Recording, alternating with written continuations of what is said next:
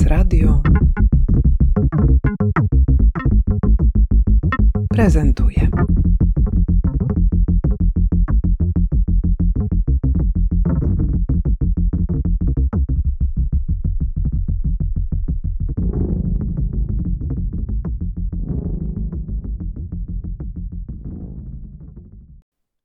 Synchronizacja.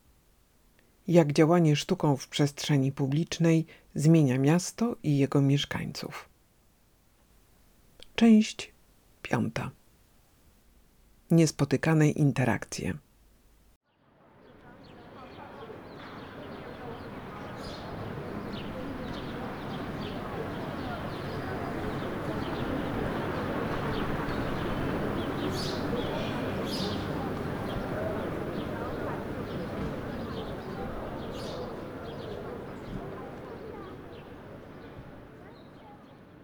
Kuba Snopek, urbanista, badacz miast.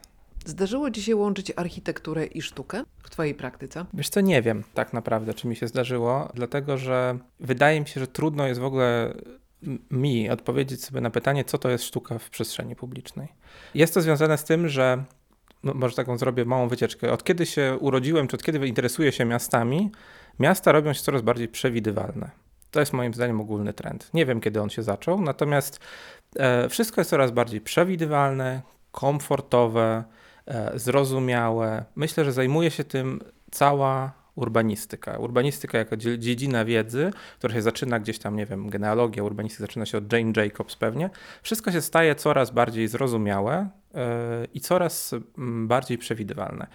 I teraz wydaje mi się, że sztuka miejska, czy sztuka w przestrzeni publicznej jest dokładną antytezą. To znaczy po prostu jest nieprzewidywalna, nie wiadomo czym jest i nie wiadomo w jakiej formie się narodzi.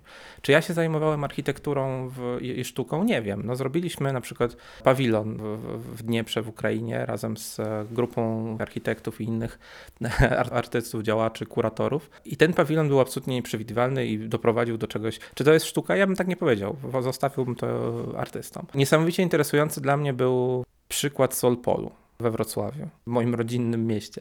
Solpol na pewno nie jest sztuką, jest to architektura, natomiast zahacza jak gdyby o rewiry sztuki, rzeźby współczesnej, czegoś takiego.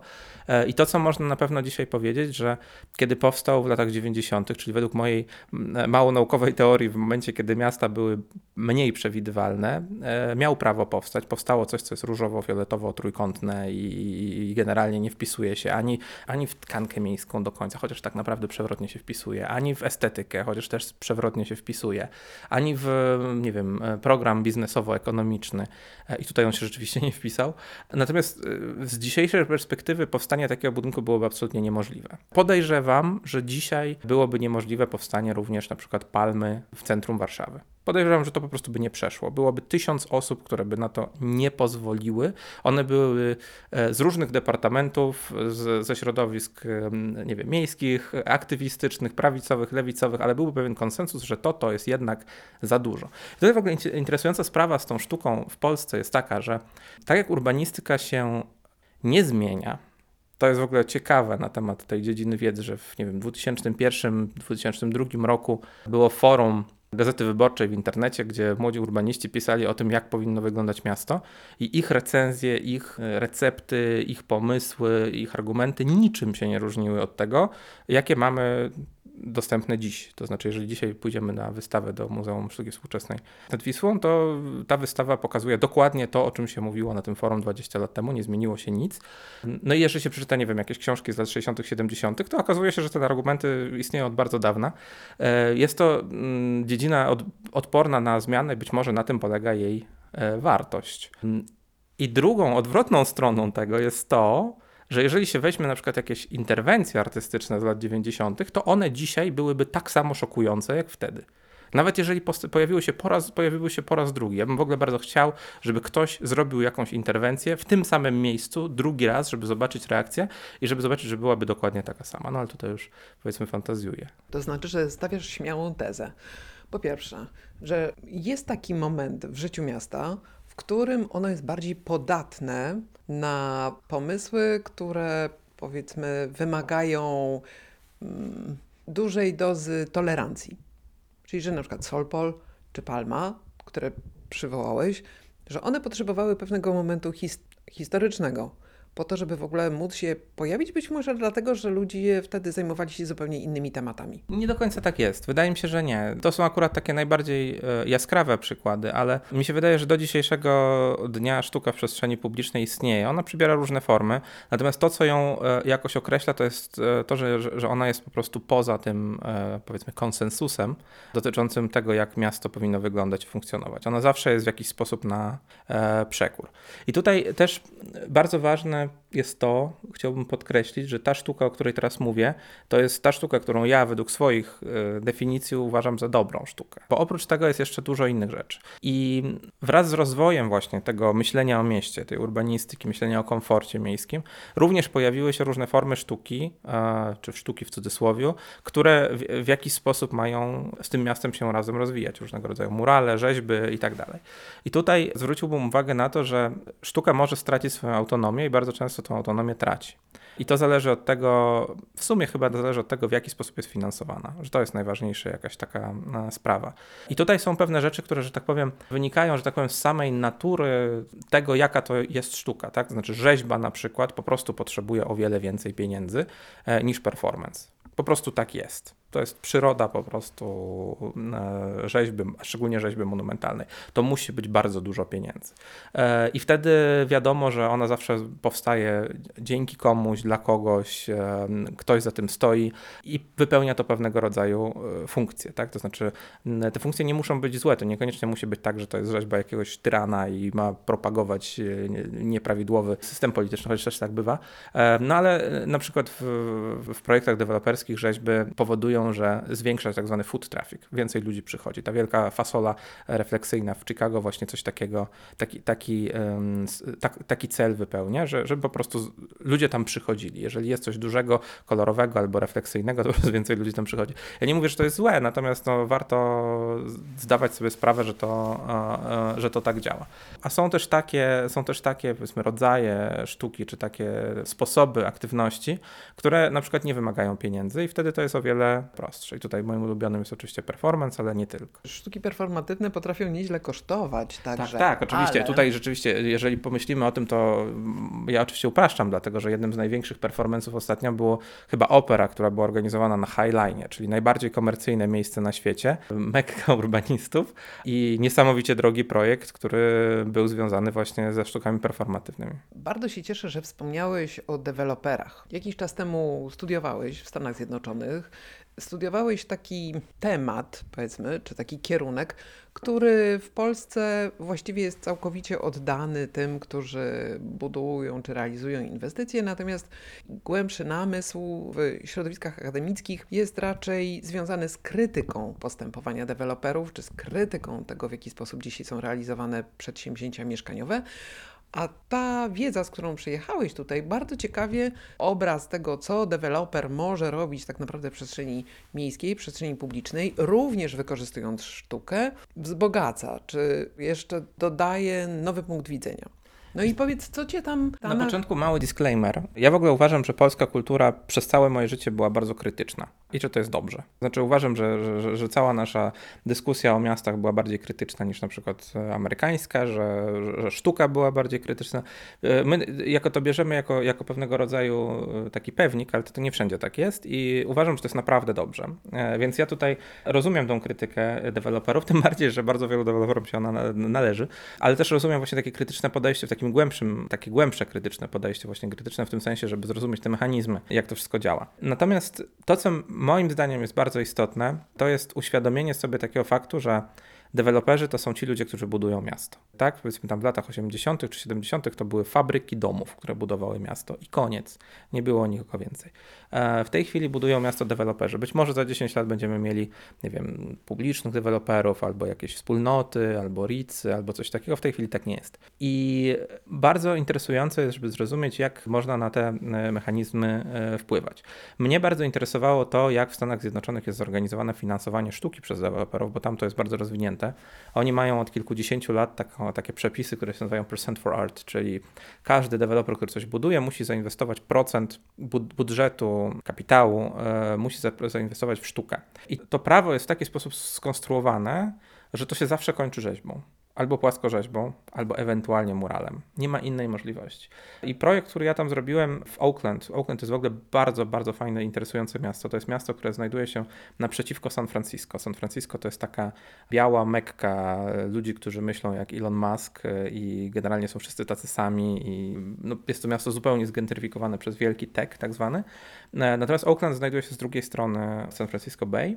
Jest to miasto, które ma najbardziej wyrównaną różnorodność w Stanach Zjednoczonych, tam 25% e, białych, czarnych, Azjatów i osób pochodzenia właśnie z Meksyku, więc wszyscy są wymieszani. Jest to miasto pełne różnego rodzaju aktywności sztuki. I ja tam współpracowałem z deweloperem, który wybudował budynek biurowy i on chciał w, w jakiś inny sposób przekierować te pieniądze właśnie, czy pozwolił mi przekierować te pieniądze, które były w ramach tego budżetu dostępne na coś innego. I to, co ja tam zaproponowałem, to było e, przekierowanie z budżetów CAPEX, Capital Expenses, do Operating Expenses, czyli OPEX. To są pieniądze, które są potrzebne powiedzmy nie na początku budowy, tylko na takie codzienne, e, na takie codzienne powiedzmy utrzymanie E, działania, zarządzanie e, tymi różnymi działaniami. I moje myślenie wtedy, kiedy my to wymyśliliśmy, było takie, że e, artystom nie brakuje E, w Oakland albo San Francisco możliwości zrobić wielki, zbudować wielką rzeźbę. Oni w ogóle o tym nie myślą. Brakuje im tak naprawdę pieniędzy na to, żeby mogli się utrzymać i żeby mogli po prostu się zajmować tym, co jest dla nich interesujące. Więc skonstruowaliśmy taką, powiedzmy, umowę pomiędzy tym deweloperem i artystami, że on oddaje część swojego budynku biurowego właśnie artystom, co miesiąc innemu artyście i że to doprowadzi do powstania jakichś tam różnych form artystycznych. E, ciekawe jest to, jak to się skończyło, dlatego że skończyło się tak, że po pierwsze to był niezwykle dobry deal dla samego dewelopera, dlatego że on w ten sposób poznał po prostu całe community, w którym buduje i to jest w Stanach bardzo ważne, żeby mieć jakieś tam relacje dobre z, e, z sąsiedztwem, więc to, to dla niego był świetny deal.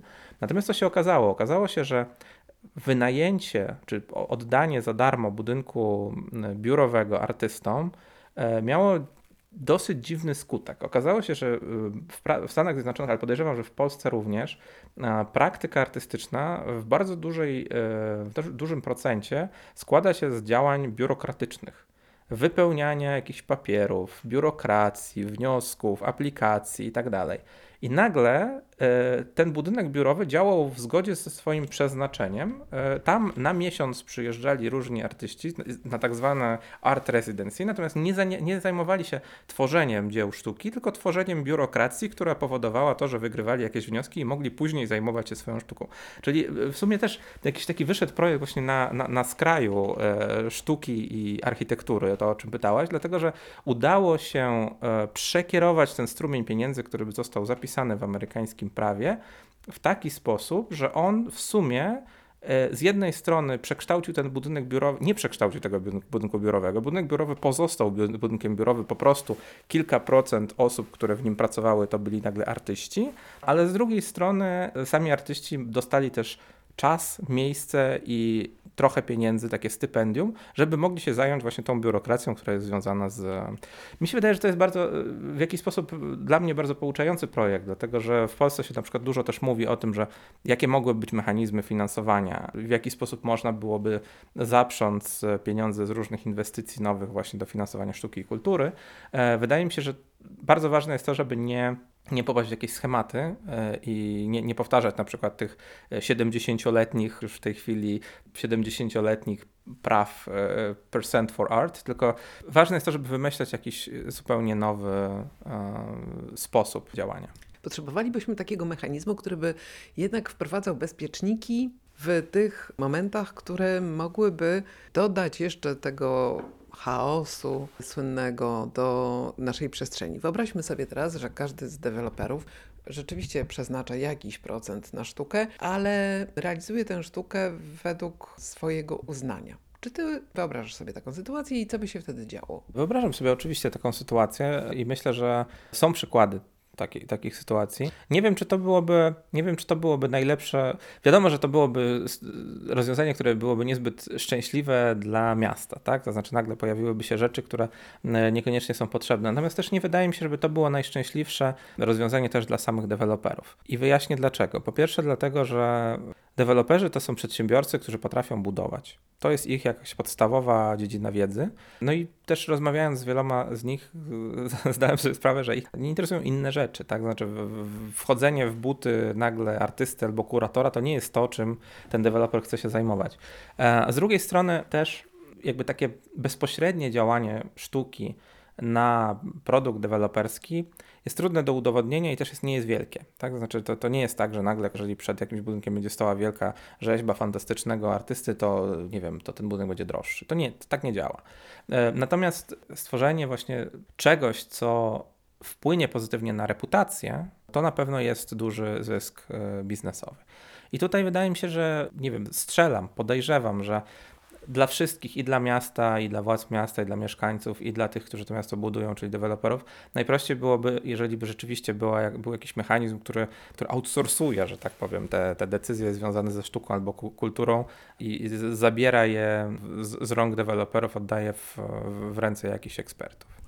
W Warszawie mamy przykład takiego osiedla, które powstało teraz niedawno i które nawet w nazwie ma artystyczny, Żoliborz artystyczny. Byłeś tam? Byłem, ale no, byłem jako powiedzmy turysta, tak zobaczyć po prostu. I czy to jest to połączenie, które moglibyśmy sobie wyobrażać jako no, taki przykład właśnie współpracy deweloperów z, z, artystami? Tam pośredniczył w tym wszystkim kurator Jacek Sosnowski, więc te dzieła sztuki, które się pojawiły w przestrzeni, one jakoś tam jednak były filtrowane przez osobę ekspercką z grona sztuki. Ale jednak podstawowa jakby taka spójność zaszła, nawet w samej nazwie. No i ciekawa byłam, czy to dla Ciebie jest jakiś taki znaczący przyczółek tego, w jaki sposób Nie. mogłoby to funkcjonować. Wiesz co, wydaje mi się, że w ogóle sposobów, jak to może e, funkcjonować, są miliony. I w ogóle moim zdaniem im więcej, tym lepiej. Tak? I im więcej różnorodności, tym lepiej. Ja tak uważam. I tutaj ciekawe jest to, że każdy z tych sposobów zupełnie zmienia rezultat końcowy. Jeżeli sobie pomyślimy na przykład o, nie wiem, latach 60. To na przykład w krajach socjalistycznych w latach 60. z jednej strony budowano, e, to jest coś, czym ja się kiedyś bardzo interesowałem, budowano takie penthouse'y dla artystów, tak? Znaczy na ostatnich piętrach były wielkie przestrzenie na takie no, przestrzenie do pracy dla artystów. I z jednej strony to jest e, tak dosyć szokujące i, i interesujące, tak? Nagle najlepsza przestrzeń w budynku jest oddawana artystom, którzy no, zazwyczaj są kojarzeni właśnie z, z tym, że nie mają tak najlepszej przestrzeni przestrzeni widoku na całe miasto. Nie? Taki dosyć, dosyć szczodr, szczodrość, taka, taki gest w stronę tych, co, co, co, co są artystami. Ale z drugiej strony jest to też w pewien sposób redukujące, dlatego że no co, to, to, to też jest taki obraz właśnie tego artysty, jakiego jak twórcy w, twórcy w jakiejś swojej przestrzeni. On nie wychodzi do, do miasta, tylko na nie patrzy. To, to jest tylko część sztuki tak naprawdę i ta niewielka część. Z trzeciej strony jest tak, że no, ponieważ to były kraje socjalistyczne, to oczywiście kto dostawał te, te mieszkania? E, niekoniecznie ci, którzy byli e, najlepsi. E, w Związku Radzieckim na przykład, nie wiem, sztuka awangardowa cała powstawała w ogóle poza E, systemem tym oficjalnym. To wszystko, co jest wartościowe i to wartościowe pod względem i artystycznym, i na przykład finansowym też, te, te, te rzeczy, które są w tej chwili drogie, w latach 80., 70., to co powstawało, powstawało poza wszelkimi instytucjami państwa, łącznie z tymi mieszkaniami. Więc na przykład to jest taki nieoczywisty przykład. Inny nieoczywisty przykład to jest rzeźba monumentalna, tak? To znaczy są tacy artyści, nazywają się rzeźbiarze właśnie monumentalni, tworzą jakieś wielkie e, grafita albo, albo liternictwo na fasadach, na jakichś ślepych fasadach. Bardzo dużo tego było w architekturze modernistycznej, że była jakaś ślepa ściana i tam się pojawiała jakaś płaskorzeźba na przykład. Ale to też sprawia, że ten artysta tak naprawdę trochę jest architektem. To znaczy traci część tej swobody twórczej i zostaje wpisany jak gdyby w system budownictwa tak naprawdę. I zostaje poddany tym samym ograniczeniom, e, którymi są poddawani architekci, czyli od grawitacji do parametrów produkcji, e, parametrów betonu, finansowania itd., tak itd. Tak Więc tych sposobów jest bardzo dużo, one są wszystkie bardzo różne. Moim zdaniem, to jest moje zdanie, moim zdaniem w tej sytuacji, którą mamy w tej chwili, gdzie jak gdyby tą estetyką miejską interesują się wszyscy i ona jest też jednak ograniczona, nie jest ograniczona prawnie, ale jest ograniczona mentalnie, że to nie wypada, nie wypada, żeby fasady były kolorowe, nie wypada, żeby nie były, wszystko jest takie proste i neutralne. Mi się wydaje, że w tej chwili chyba najlepszym sposobem finansowania sztuki miejskiej, czy, czy publicznej, czy właśnie tej, która w jakiś sposób komentuje miasto, jest jednak finansowanie samych artystów. E, Więc e, to, co właśnie my próbowaliśmy zrobić w Oakland, to znaczy przekierowanie tego strumienia pieniędzy na budżet OPEX, operacyjny, żeby, żeby na przykład co miesiąc wypłacać stypendium przez jakiś czas, albo co miesiąc finansować miejsce dla jakiejś grupy, albo co miesiąc finansować NGOs, który się zajmuje, nie wiem, finansowaniem, wyszukiwaniem artystów. Wydaje mi się, że to jest o wiele lepsze e, działanie niż finansowanie konkretnych projektów, finansowanie konkretnych obiektów. To- moim zdaniem dla sztuki, dla artystów i dla takiego powiedzmy intelektualnego rozwoju miasta w tym zakresie, y, no, będzie po prostu rozwiązanie lepsze. Czyli podsumowując, jesteś za tym, żeby traktować tę możliwość współpracy z artystami i artystkami jako pewną detekcję tych kierunków, w których wyobraźnia miejska może iść. A, Tak, nie, jako, a nie jako nie do dodatek, końca. a nie jako dodatek do tej substancji, która już została przez kogoś zaprojektowana. Nie do końca. Wiesz co, z tą detekcją, w którą stronę to może iść, e, to też jest trochę. Spróbuję to wyjaśnić. Olga Tokarczuk mówi, że największym współczesnej, problemem współczesnej kultury jest dosłowność. Ja się z nią zgadzam. I z tą detekcją to jest trochę tak właśnie jak z dosłownością. Są obiekty, takie jak na przykład ta palma, tak? To jest oczywisty obiekt, ale cały czas jeden z moich ulubionych, który cały czas jest aktualny. Co by się nie działo, on cały czas jest metaforą czegoś. Nie wiadomo dokładnie czego, ale te, te aktualności się zmieniają, ale cały czas ta palma w jakiś sposób komentuje rzeczywistość. Ta rzeczywistość się zmienia, ale komentarz pozostaje. E, A są inne obiekty, na przykład był dotleniacz, który przewidział, w którą stronę miasto się będzie rozwijać, i w momencie, kiedy ta dyskusja właśnie miejska doszła do tego miejsca, to moim zdaniem dotleniacz się zdezaktualizował. Już nie jest tym, co był, i, i to jest moim zdaniem gorsza sprawa. Ja dlatego nie, nie, nie wiem, dla mnie osobiście to nie jest jakaś chyba najlepsza interpretacja tej sztuki miejskiej, że ona jakby pokazuje kierunek albo przewiduje coś. Wydaje mi się, że nie. Mi się wydaje, że jej główną zaletą jest to, że ona jest kompletnie niespodziewana, nie wiadomo, co ona tak naprawdę robi. E, Nie wiadomo, komu tak naprawdę służy. E, Może pójść w każdą. To jest pewnego rodzaju tajemnica. To jest, to jest dla mnie, to jest to, co dla mnie jest najbardziej interesujące, tutaj frapujące i to, co ja sobie najbardziej cenię. W cyklu synchronizacja tych warsztatów, które się zajmowały w tym roku znaczeniem i wpływem sztuki w przestrzeni publicznej na rozwój miasta, próbowaliśmy dociec, jaką rolę ta sztuka odgrywa na różnych bardzo poziomach w dyskursie, planowaniu y, i projektowaniu przestrzeni, sposobie użytkowania miasta, ale bardzo ciekawe jest to, co powiedziałeś mi wcześniej na temat tego, jakie jest znaczenie sztuki, które uważasz za pożyteczne. I jest nim odwzorowywanie tego, czym miasto w danej chwili jest, czym żyje. Bycie odzwierciedleniem chwili współczesnej, w której ta sztuka powstaje, ale w reakcji na jakiś stan miasta. I to wydaje mi się bardzo interesujące, głównie z tego powodu, że to jest taki wieczny ping-pong, w który trzeba grać. I ta sztuka, tak widziana, jest rzeczywiście źródłem wiedzy nie tylko o tym, jak funkcjonuje przestrzeń, ale o całej masie innych zdarzeń. Tak chyba jest z kulturą, że dobra kultura właśnie jest lakoniczna i w sposób lakoniczny e, opisuje to, co się dzieje. I później osoby, które zajmują się tym w przyszłości, mogą te artefakty próbować w jakiś sposób rozwikłać i, i, i interpretować. E, To chyba nie jest tak tylko ze sztuką, tak samo jest z literaturą, z filmem. To jest jakaś tutaj uniwersalna rzecz. To w takim razie zmierzajmy do puenty. Znaczy nie wiem, czy ją jakoś taką wyraźną za, Właśnie tu nie ma puenty. Tu nie ma puenty, tu nie może być puenty. Właśnie na tym to polega, że, że, że, że y, sztuka w mieście jest potrzebna. W Polsce moim zdaniem ona jest potrzebna tym bardziej, że tak jak powiedziałem na początku rozmowy, polska kultura jest krytyczna. I zresztą tej sztuki jest sporo. Dobrych artystów jest sporo. I jaką tutaj można postawić puentę? Czekać na to, co się jeszcze wydarzy. No tak. Myślę, że to jest w ogóle, nie wiem czy czekać, ale jedną z naj, najważniejszych rzeczy jest obserwować, patrzeć co się dzieje. Czy czekać aktywnie. Czekać aktywnie.